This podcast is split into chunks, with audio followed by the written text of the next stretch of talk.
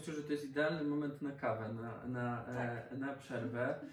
E, na, Dzień dobry. Kamil. Dzień dobry, dzień Dziękujemy dobry. bardzo. Dziękujemy bardzo. Proszę uprzejmie. Bardzo dziękujemy za, za kawę Kamilowi. Tak. E, Kamil jest naszą wodzianką, która Wodzianką, tak, kawiarką, robi się coraz bardziej ciekawy, więc e, na pewno wiele, pikantne wiele... szczegóły. Tak, pikantne szczegóły już na YouTubie. Będziemy grillować Kamilę. Którym roku, jeśli możemy spytać? Oj, nie pamiętam. nie przygotowałam się na to pytanie. Okej. Dzień dobry. Witamy w kolejnym odcinku Dzień Dobry Mais, serii wywiadów i podcastów na temat branży mais. Witamy Państwa bardzo serdecznie w pierwszym odcinku noworocznym 2021. Inauguracja 2021 roku.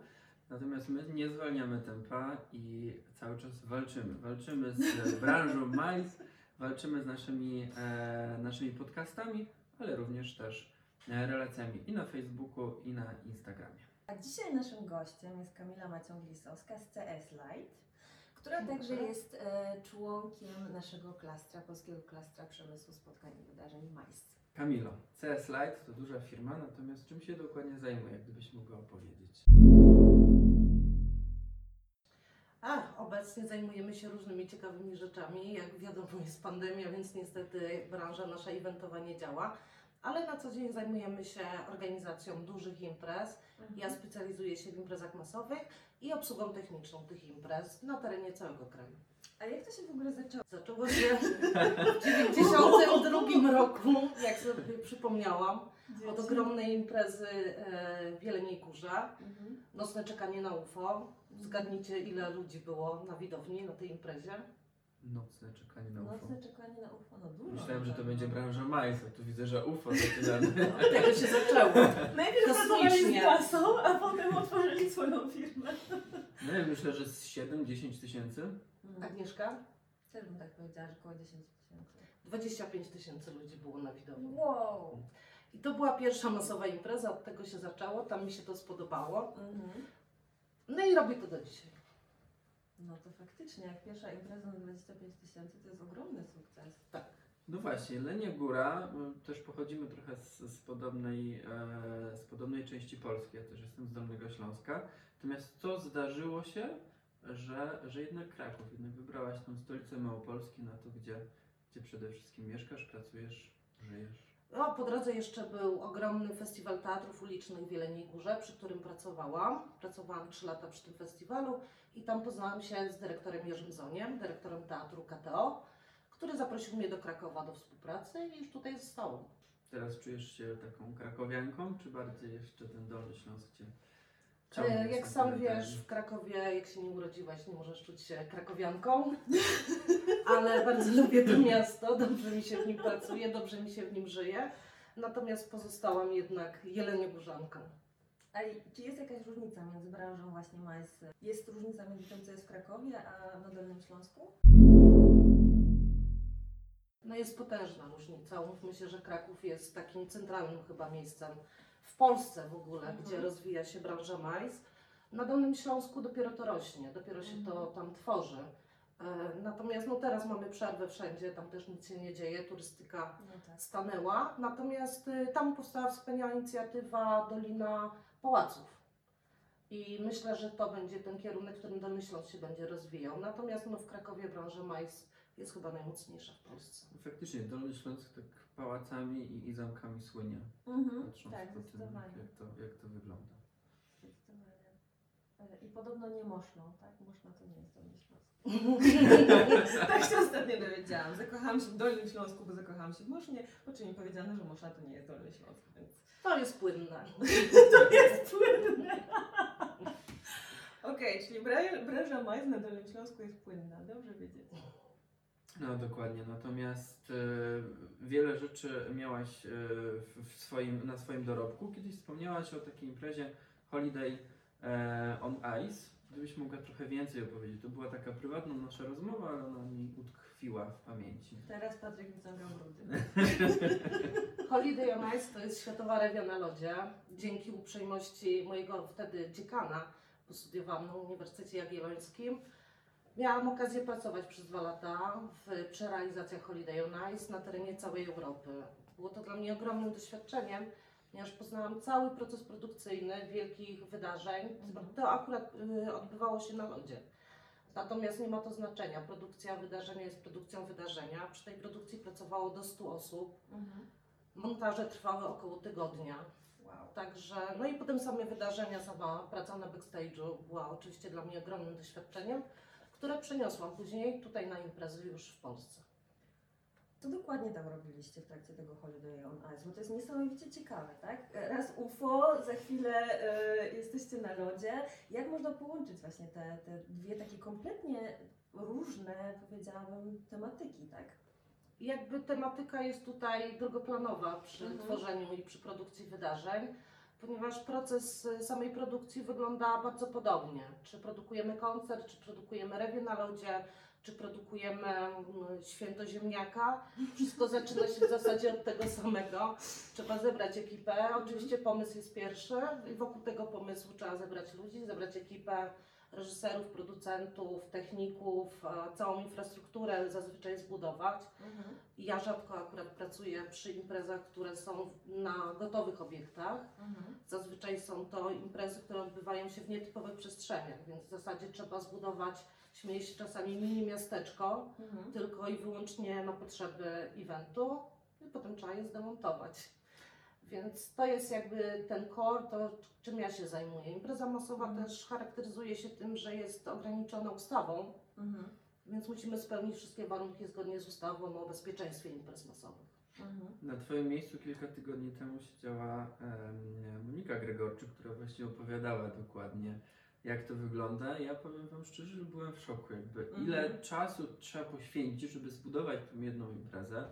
E, ona akurat zajmuje się e, stoiskami, stoiskami wystawienniczymi, natomiast jakby opowiadała dokładnie. Serdecznie też zapraszamy na, na YouTube'a, gdzie można e, posłuchać dokładnie o całej historii, o, o całej narracji jak to faktycznie wygląda, bo tylko widzimy tą wisienkę na torcie, tak będąc No tak, czę- często ten proces produkcji trwa nawet rok czasu. Także od przygotowania, od uzyskania pozwoleń, od znalezienia Mhm. miejsca, y, wybrania artystów, e, poprzez y, załatwienie oczywiście wszystkich formalności, które są niezbędne, poprzez budowanie sceny. Mhm. Czasami samą scenę się 3 dni, 4 dni buduje, no, nie mówiąc już o takich wydarzeniach jak chociażby wydarzenia mm, organizowane przez Jurka Owsiaka to Mhm. tamten proces montażowy trwa 2-3 tygodnie. Budowania samej technicznej infrastruktury, nie mówiąc właśnie o tych przygotowaniach, które de facto, jak się kończy przystanek e, Woodstock, obecnie to Mhm. się nazywa chyba Polo Rock, Fajnie pamiętam. tak, y, to oni w zasadzie jak kończą jedną imprezę, zaczynają cykl produ- produkcyjny na następny rok. Mhm. Tak to wygląda. No, nie, nie wiem, czy kogoś technikalia tak bardzo interesują, ale żeby czasami powiesić telebim, trzeba zamówić dźwig po prostu. I tak dalej, i tak dalej. To są rzeczy bardzo nieoczywiste i wydawałoby się bardzo męskie, ale paradoksalnie w tej branży jest dużo kobiet, które się tym zajmują. Monika jest tego przykładem. Pozdrawiam Monikę, bo współpracujemy razem. E, No ale Jak to jest w klastrze jednak, tutaj jest wymiana bardzo, e, bardzo mocna i za, zaciśniona, że ta Mhm. współpraca jest na, na wielu, wielu aspektach i wielu polach. Mhm. Ja myślę, że to jest ekstra ciekawe i bardzo takie inspirujące też dla osób, które na przykład myślą o branży MAIS tylko y, pod względem turystyki czy, czy gastronomii, tak? Że właśnie, czy, czy jakichś wydarzeń, że musimy pamiętać właśnie o tej technicznej stronie, o tym, czego po prostu nie widzimy. Bo często ja się spotykam na przykład też jako organizator wydarzeń, że to jest takie proste, łatwe, po prostu wchodzi się do jakiegoś miejsca, bo ja akurat organizuję w miejscach, które już, że tak powiem, stoją. Mają czyli- infrastrukturę. tak, mają już jakąś infrastrukturę, nie trzeba pewnych rzeczy budować, ale to jest niesamowite, cie- niesamowicie ciekawe właśnie ile czasu to trwa, e, co trzeba, że do telebima trzeba dźwigu. To jest naprawdę, myślę, że mało kto o tym myśli i to jest naprawdę super, żeby przedstawić też tą drugą stronę właśnie wydarzeń, więc Długo byśmy musieli rozmawiać. Takim przykładem chyba najtrudniejszego wydarzenia przy produkcji, którego Mhm. miałam okazję brać udział, to były Światowe Dni Młodzieży, wydarzenia centralne w brzegach podkrakowskich. Tam zbudowaliśmy przez trzy miesiące w zasadzie miasto na 2 miliony ludzi. E, To jest niesamowite. Myśmy tam musieli drogi tymczasowe układać. Te drogi tymczasowe układa się z samochodów typu HDS i tak dalej, więc e, jak się komuś wydaje, że to wszystko tam jest, po prostu było i będzie, to otóż nie. Mm, Wszystko to żeśmy musieli tam przygotować. Em, ileś hektarów podzielone na sektory. Ja znałam na pamięć każdy sektor, musiałam. A postawiliśmy tam na przykład 50 wież nagłośnieniowych. E, Mhm. One były ustawione w specjalnych elipsach po to, żeby ten dźwięk dobrze się rozchodził. Mhm. To było bardzo duże wydarzenie. Firma Fotis razem z profesorami z Akademii Górniczo-Hutniczej opracowali plan tego nagłośnienia. Więc Mhm. to nie jest tak, że to stało w przypadkowych miejscach, bo akurat tam było na to miejsce. Nie, to było bardzo precyzyjnie na mapie rozrysowane i bardzo precyzyjnie zrealizowane Mhm. po to, żeby wszyscy mieli komfort słyszenia mszy e, czy mm, w ogóle wydarzenia jako takiego. Tak samo z telebimami. Mieliśmy tam ogromne problemy. Udało się oczywiście, bo jesteśmy od tego, żeby rozwiązywać problemy Wyzwanie. wyzwania, natomiast ten teren nie był łatwym terenem. Telebimy przyjechały na tirach, a no jak się domyślacie, nie zawsze tir mógł dojechać dokładnie w to miejsce, więc trzeba było przekładać drogi tymczasowe, Mhm. stalowe, czyli znowuż ciężki sprzęt wprowadzić na teren imprezy tylko po to, żeby ustawić na przykład telebim, po to, żeby pielgrzymi, którzy przybyli, a byli daleko od sceny, mogli brać udział w tym wydarzeniu równie komfortowo jak reszta. Czyli y, dziecięce układanie klocków Lego się przydaje przy czymś takim, Tak, tak. Jak ktoś lubi puzzle, to tym bardziej. Dlatego, że mapa jest narysowana i trzeba tą Mhm. mapę odtworzyć tego wydarzenia. Mhm. To nie jest przypadkowe. Nie ma nic przypadkowego, proszę Państwa, na tego typu dużych wydarzeniach. No właśnie, no żeby dojść do takich rea- realizacji, tak, jak Parada Smoków, czy, czy właśnie różnego rodzaju teatry i, i też działania związane właśnie ze Światowymi Dni, Dniami Młodzieży, musiał być ten początek, czyli firma, która kiedyś, kiedyś powstała, ale co Cię skłoniło do założenia właśnie własnej firmy? E, Szereg doświadczeń. Jestem mm, trudna we współpracy, y, więc wolę być sama sobie szefem. E, Jaka szczerość! Powiedzmy sobie to szczerze. Tak? Y, Mam, mam, mam taką przypadłość, że jak sobie perfekcyjnie coś w głowie poukładam, to chcę, żeby było to zrealizowane dokładnie tak, jak ja sobie to wymyśliłam, Mhm. więc było mi dosyć trudno pracować pod kimś, e, szczególnie kiedy mieliśmy odmienny pogląd na realizację czegoś, Mhm. więc postanowiłam, że będziemy to realizować, firmę razem z mężem prowadzimy z Jurkiem Lisowskim, e, że będziemy to realizować się we własnej firmie i organizować to mm, we własnej firmie na własne potrzeby i na swój sposób. A nie żałujesz tej decyzji, patrząc na to, co teraz się dzieje w dobie pandemii, że właśnie macie swoją firmę, a nie pracujesz na przykład dla kogoś? Ciepłej posadce Tak, takiej tak. etatowej. Zastanawiałam się nad tym. Oczywiście na początku była panika, jak zaczęła się pandemia, ponieważ z 300 terminów, które mieliśmy w kalendarzu, zostało nam zero. Więc to był niesamowity szok, była panika. Natomiast e, odnaleźliśmy się w tym czasie teraz. A robimy instalacje elektryczne. Paradoksalnie każda impreza to jest jedna wielka instalacja elektryczna. Mhm. Więc czy ją robimy w obiektach, czy ją robimy podczas imprezy na przykład, to jest, y, wyda, okazało się jednak bez znaczenia. Uprawnienia posiadamy, więc e, możemy się realizować. Ja z kolei się uruchomiłam kreatywnie. To Mhm. znaczy zaczęłam spisywać, mam na to czas, zaczęłam spisywać e, swoje pomysły, mm, pisać projekty, składać wnioski o granty. Mam nadzieję, że niedługo efekty tego poznacie, poznamy. Będziemy je razem zresztą realizować, czego się bardzo cieszę. Więc e, ten czas e, pozwolił mi zrobić krok do tyłu, Mhm. zastanowić się nad tym, w którą stronę chcę iść. Na pewno nie chcę e, pracować w instytucji, w fabryce, w urzędzie. Będę próbowała jednak dalej realizować swoje plany. Kamilo, a więc teraz mówimy tylko i wyłącznie o tych, o tych fajnych realizacjach, takie, które dają powera do, do życia. Natomiast pewnie i u Ciebie, jak i u każdego z nas e, mamy na, na swoim koncie nieudane realizacje. Coś poszło nie tak. Jak to wyglądało? Czy miałaś takie, takie sytuacje u siebie na swoim dorobku? Oczywiście oficjalnie nie możemy o nich mówić, Natomiast, e, natomiast jak to u Ciebie wyglądało, albo też jak wybrnęłaś i jesteś z tego zadowolona właśnie z takich sytuacji, jak to wyglądało? Mam być szczera, czy powiedzieć prawdę? Moja droga, tylko szczerość, jak u Tak. księdza w konfesjonale. Tak, dokładnie. Tutaj Więc tylko od strony produkcyjnej powiem tak, że tylko ja wiem jak miało być, Mhm. więc wszystkie imprezy były udane, żadna się nie wywaliła. Czyli publiczność, uczestnicy wiedzieli, że tak ma być po prostu. Znaczy oni się nie trzymali. wiedzieli, że, miał, że miało być inaczej. inaczej. Okej. Mieliśmy fantastyczną przygodę przy pierwszej paradzie smoków, kiedy mieliśmy uzgodniony znak, na który miały wypłynąć wszystkie barki, na których były animowane smoki. Mhm. No i kolega zapytał, jaki to znak. Drugi kolega mu pokazał i panowie ruszyli z barkami, a myśmy nie ruszyli z imprezą. Czyli dokładnie Falset. komedia pomyłek. Nie dało się już barek zatrzymać, bo to nie jest Mhm. tak, że jesteśmy w stanie pchacz ogromny, który pcha barkę, zatrzymać. W związku z tym, a mieliśmy sekundówkę, scenariusz był rozpisany co do sekundy, więc Mhm. musieliśmy parę dziesiąt sekund pominąć w pierwszej części imprezy. Natomiast oczywiście nikt tego nie widział, tak jak mówię, na widowni nikt się nie zorientował. Stres był w produkcji ogromny Mhm. dlatego że nie poszła muzyka, muzykę też trzeba było szybko przewinąć. To nie jest tak, że to jest y, mm, z automatu, tak? Mhm. Tylko nagle po prostu na, na komunikatorach, który, które zawsze mamy, czy na walkie-talkie, czy na czymkolwiek, poszły komendy zupełnie inne niż miały pójść i wszyscy musieli w jednej sekundzie zacząć po prostu swoje działania y, zmieniać. Ale to je, tak jak mówię, no, publiczność tego nie widziała, nie miała prawa się domyślić, że tak poszło. Stres był potężny. Nigdy więcej już żeśmy żadnych sygnałów nie uzgadniali. Znaleźliśmy inny sposób, żeby równo ruszyć.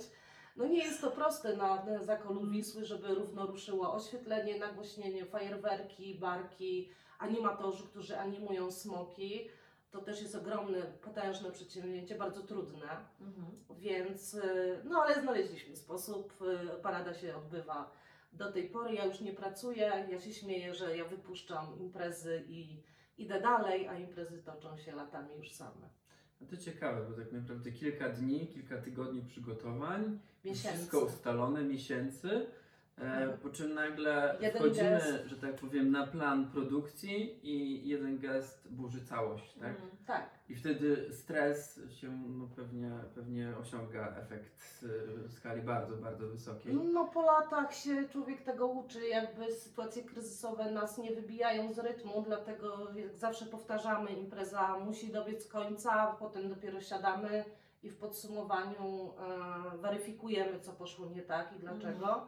Natomiast w trakcie imprezy, co do zasady, mm, trzymamy nerwy na wodze, niesie nas adrenalina, więc y, musimy w głowie mieć swój plan, mieć plan awaryjny też Mhm. zawsze. Y, Często się rzeźbi, jak to my mówimy, ale nikt nie może się zorientować.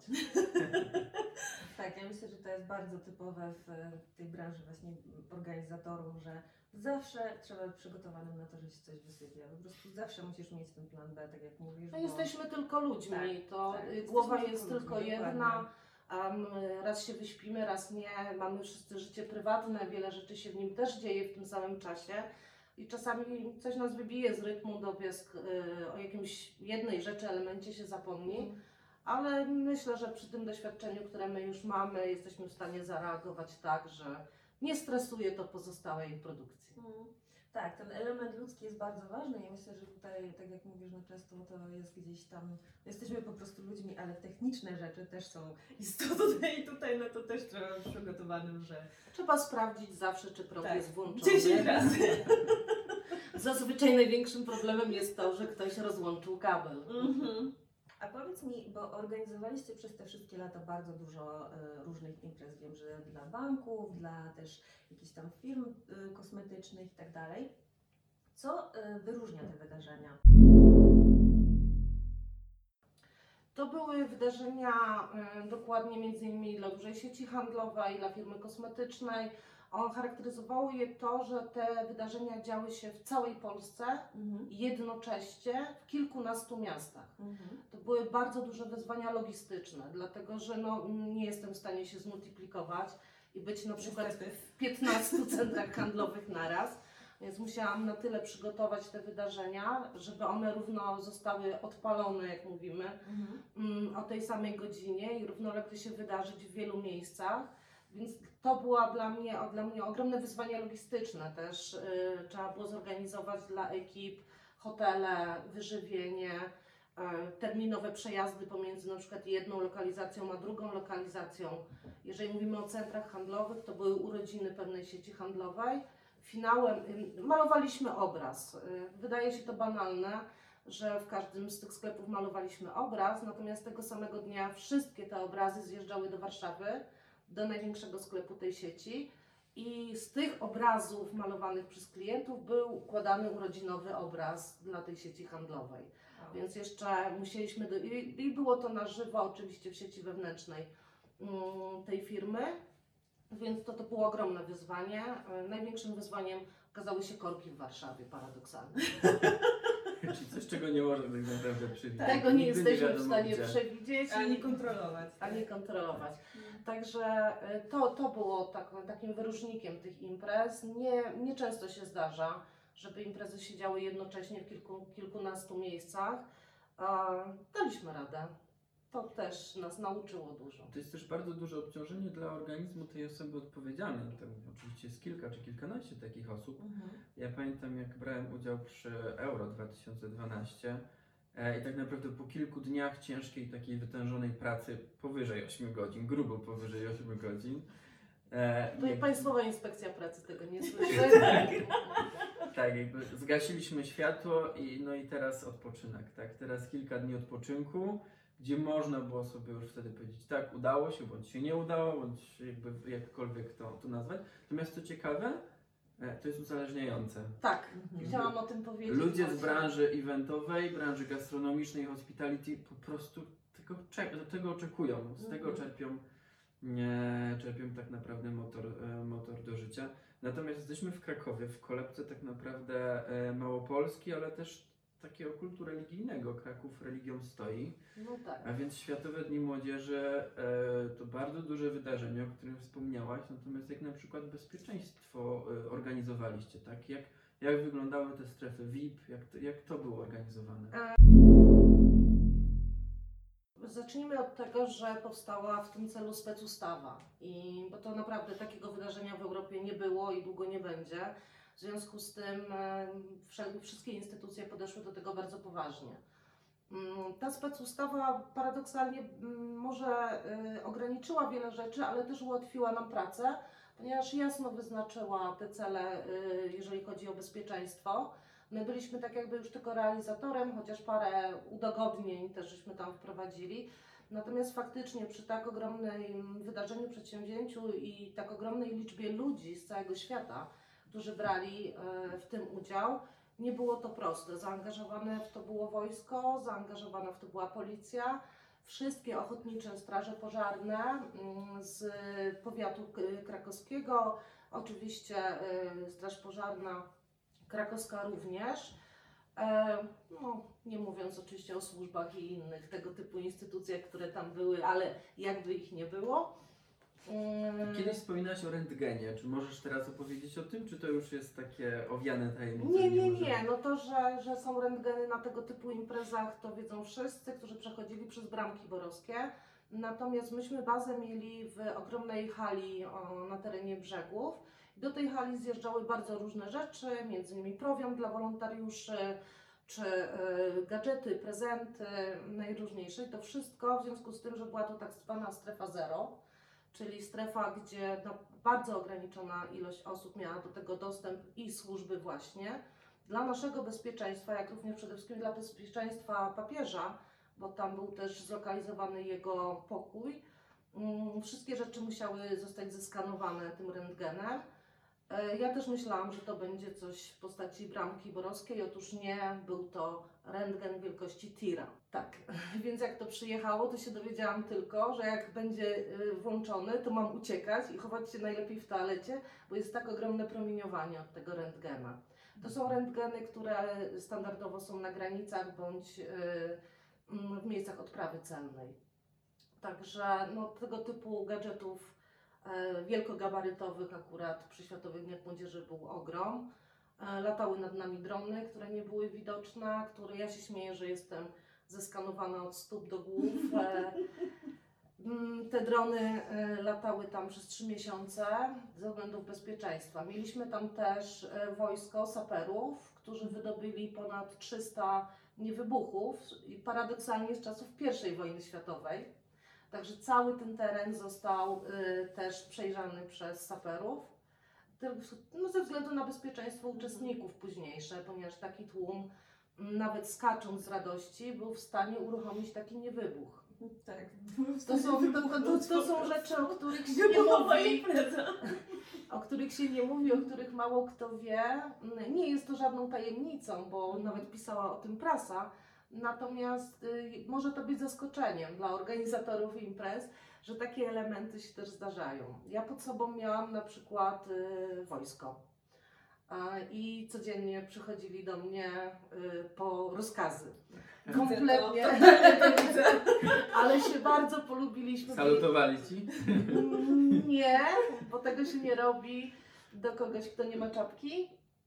Natomiast, chociaż miałam czapkę, ale z daszkiem.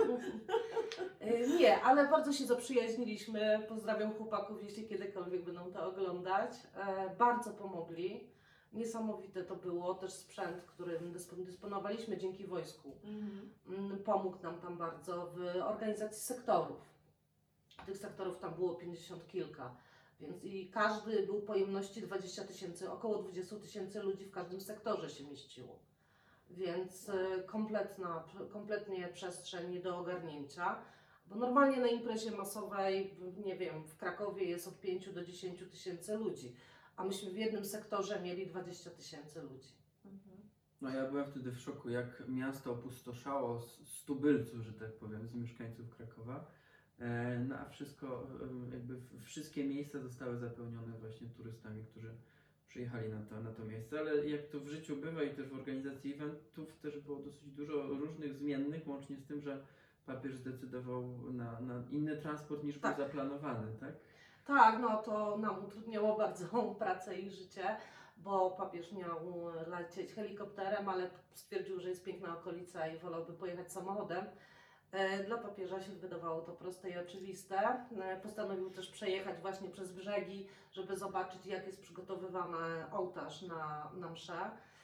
E, No, nie ukrywam, że popłoch był ogromny wśród służb. Musieli wszystko przeorganizować, myśmy musieli wstrzymać pracę tylko i wyłącznie po to, żeby bezpiecznie papież mógł przejechać przez ten teren. No to są rzeczy, które zaskakują, mm, no ale da się też to zorganizować.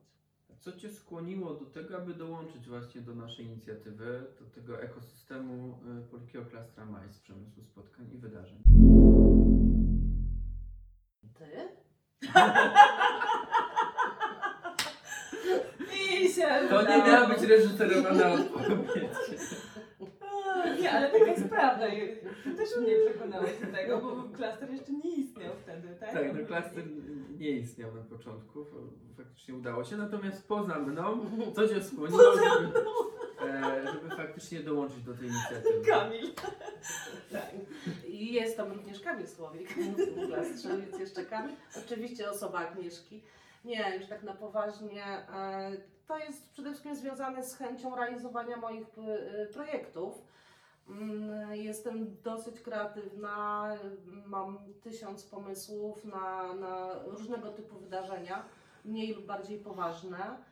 Mm, Nie tylko związane z organizacją imprez jako takich, ale też e, z promocją kultury czy promocją sztuki, mm, zarówno w Polsce, jak i za granicą. I pomyślałam sobie, że taki, w takim kla- bycie w takim klastrze mi to bardzo ułatwi. E, Pozwoli mi nawiązać nowe kontakty. Wyszłam ze swojej strefy komfortu, czyli z pewnej ograniczonej jednak e, grupy osób, z którymi współpracowałam, bo czułam się bezpiecznie z nimi, więc z nimi współpracowałam. Natomiast to mnie troszkę wyhamowało.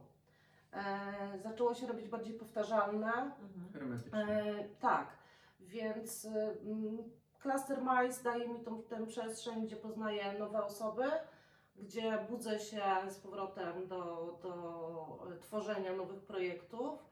E, I myślę, że im więcej firm będzie w klastrze, tym te projekty będą ciekawsze, będą szersze. będziemy mogli wspólnie je realizować. E, Energia jest super na naszych spotkaniach, także zapraszam. Tylko dzisiaj jest tak poważnie. Bardzo poważnie. Chociaż miało nie być poważnie, ale okazuje się, że kamera mnie bardzo stresuje. Zawsze jestem naprawdę. po drugiej stronie e, e, ty- tych urządzeń na tak zwanym backstage'u. Dzisiaj jestem e, Na świeczniku. na świeczniku. Pozdrawiam wszystkich, którzy są na co dzień na świeczniku. Podziwiam Was. Także w klastrze chcę realizować swoje projekty. Widzę tam przestrzeń, widzę przestrzeń też do projektów międzynarodowych, do których no jednak nie ma łatwego dostępu. Kiedy się jest poza pewnymi organizacjami, strukturami, jest to dużo trudniejsze. Mhm. Czyli teraz jak dos- dołączycie do klastra, to przez Kamilę, nie przez Patryka. Dokładnie. Po takiej zapowiedzi i reklamie. Tak, to, to Kamila będzie tutaj współtworzyć ten ekosystem, żeby faktycznie te, Bardzo chętnie, projekty działały. Faktycznie piszemy też dużo projektów z Kamilą, tak żebyśmy faktycznie rozwijali klaster, rozwijali siebie, rozwijali swoje firmy. Ponieważ no, to jest kluczowe, tak? W dzisiejszych czasach ten rozwój nie jest dosyć. Ale dosyć budow- i, i, i budowanie relacji. Tak, Tak, dokładnie. To Dokładnie. właśnie miałam dodać, że rozwój to jest jedna rzecz, ale samemu rozwijać się trudno, tak? Więc e, ja lubię ten cytat właśnie bardzo i tutaj też z klastrem e, kiedyś myśleliśmy, że to był nasz cytat po prostu, że samemu idzie się szybciej, ale wspólnie dochodzi się dalej. Myślę, że to jest najważniejsze, po prostu taki clue e, tego, co robimy. Ja poznałam w tym roku jeszcze jedno takie sformułowanie, mm, wydaje się banalne, ale dało mi dużo do myślenia. Nie wszystkie drzwi otwierają się na zewnątrz, niektóre otwierają się tylko od środka. I żeby dotrzeć tam, to właśnie sieć jest bardzo ważna kontaktów y, i też relacje, dobre relacje w tej sieci. Bo Mhm. nie filozofią jest stworzyć sieć, y, w której nie ma relacji. Mhm. Mm, To jest dosyć proste, a zbudowanie relacji myślę jest najtrudniejsze i myślę, że nam póki co dobrze idzie. Jak sobie tak tutaj poda- dodajemy em, różnego rodzaju cytaty, ja nie pozostanę dłużny. Prawda. Też coś przeczytałem. E, Właśnie nie przeczytałem. Moi drodzy, e, nagrywanie podcastów i, i filmów Dzień Dobry Majs też mnie uczy e, i edukuje. Mhm. Pozdrawiam Aleksandrę Bacańską. Ostatnią, em, ostatnio mieliśmy z nią wywiad i Aleksandra powiedziała coś e, takiego jak przypływ podnosi wszystkie łodzie. łodzie tak. E, I osób, to no. faktycznie też pokazuje to, że, że faktycznie jak będziemy robić wspólnie, no to faktycznie wspólnie, czyli te wszystkie nasze łodzie majsowe pójdą do góry i to też jest e, bardzo budujące. Widzę te łodzie nasze majsowe, tak. Ale na pewno też działania te, które teraz podejmujemy pomimo pandemii, pozwalają mi mieć nadzieję, tak? Yy, Łatwiej mi przejść przez ten okres, bo Mhm. wydaje mi się to takie oczywiste, że te projekty, które tworzymy, one się wydarzą, wydarzą się zaraz, za chwilę e, i troszkę mm, mi to ułatwia. mm, mm. Są dni gorsze oczywiście, kiedy czuję beznadzieję całej sytuacji w naszej branży. Przychodzi wtorek, Tak. łączymy się na naszych spotkaniach. I wtedy mówię, nie, no jak to, nie ma żadnej pandemii, wszystko jest w porządku. Super, a powiedz mi, y, gdzie można poznać więcej szczegółów na temat Twojej firmy, Twojej i Twojego męża? Czy No. jesteście gdzieś w sieci? Znaczy, no mamy stronę internetową, na którą Mhm. zapraszamy www.cs-light.pl Tam jest może mało treści, ale jest dużo zdjęć z imprez, Mhm. które żeśmy realizowali, które myślę najlepiej pokazują. Teraz świat mówi obrazami, więc te zdjęcia najwięcej Państwu powiedzą. Są tam nasze krótkie bio. Mm, I tam zapraszam przede wszystkim, tam są wszystkie kontakty do nas, y, też przez klaster oczywiście można się z nami skontaktować. E, Internet chyba najszybciej. I Facebook też. Mamy Facebooka, oczywiście, Facebooka prowadzi mój mąż. E, zapraszam, bywa ciekawie. Tak, natomiast trzeba pamiętać, że pomimo tego, że mieścimy się w Krakowie, to realizacje są organizowane w, na całej, w całym terenie Tak, Polski. tak, tak. No i nawet zdarzyło nam się za granicą realizować, więc jakby e, ważni są ludzie, a nie miejsce, w którym się realizuje, więc to, to nie ma dla nas znaczenia. Czasami mnie ktoś pyta, ale działacie regionalnie? Ja mówię, że to jest bez znaczenia de facto, czy my jesteśmy. Y, Bywają problemy. Na przykład realizowaliśmy dwa lata temu potężną imprezę dla mm, firmy polskiej chemicznej, państwowej, e, ich Dni Chemika Mhm. w, pod Szczecinem. No i tamten teren okazał się trudny. Na przykład nie mogliśmy wózka widłowego wynająć, ponieważ tam się nie organizuje tak bardzo dużo imprez, więc nie jest to oczywiste dla firmy, że firma eventowa może chcieć wypożyczyć wózek widłowy. e, I dopiero w stoczni udało nam się go pożyczyć, bo żadna firma rentalowa mm, no ma jeden, dwa wózki, a w ogóle to kim pani jest i, i kto będzie tym wózkiem jeździł. E, Oczywiście mamy uprawnienia, to nie jest tak, że poruszamy się tymi sprzętami, mm, bo tak nam się podoba. Mhm. A więc y, w naszej branży są ludzie, którzy mają po prostu uprawnienia i, i tak, tego typu narzędzia obsługują, ale tam to się okazało wyzwaniem, więc dobrze znać teren, na którym się realizuje. Mi wydawało się, że Szczecin jest na tyle dużym miastem, że nie będzie z tym problemu. Okazało się jednak, że jest inaczej. Ale faktycznie tak było. Mieliśmy organizować jedną realizację przez pandemię, niestety ona nie została zrealizowana, ale faktycznie on, ona była w Szczecinie e, i, i Kamila mówi, no, no to spoko, spoko, nie ma problemu, ja tam załatwię sobie ludzi, ja wszystkich tam znam. I to było dla mnie, ja byłem w szoku, tak, no ona tutaj niby pracuje lokalnie, a po czym jak się okazało kontakty są, są e, szerokie i chyba też o to chodzi, żeby sobie pomagać e, w różnego rodzaju em, działaniach. No, wracając do tych imprez, o które pytałaś dla banku, czy tam dla firmy kosmetycznej, które się działy jednocześnie w iluś miastach, no nie oszukujmy się, że nie, we, nie do wszystkich tych miast sprzęt przyjechał z Krakowa. Bardzo często y, posiłkowaliśmy się firmami regionalnymi, miejscowymi, natomiast znamy się. Skąd się znamy? No z tras chociażby koncertowych, tak? Em, Jest to dosyć wąska branża, więc y, znajomych mamy w każdym mieście. Pozdrawiamy wszystkich znajomych. No cóż, zapraszamy na YouTube'a na pełen, e, pełną kwintesencję tego naszego dzisiejszego spotkania. Transmisja live na Facebooku. E, no i cóż, dzień dobry, Majs. Dzień dobry, Majs. Do widzenia, Majs. Dzięki bardzo. Dziękujemy. dziękujemy.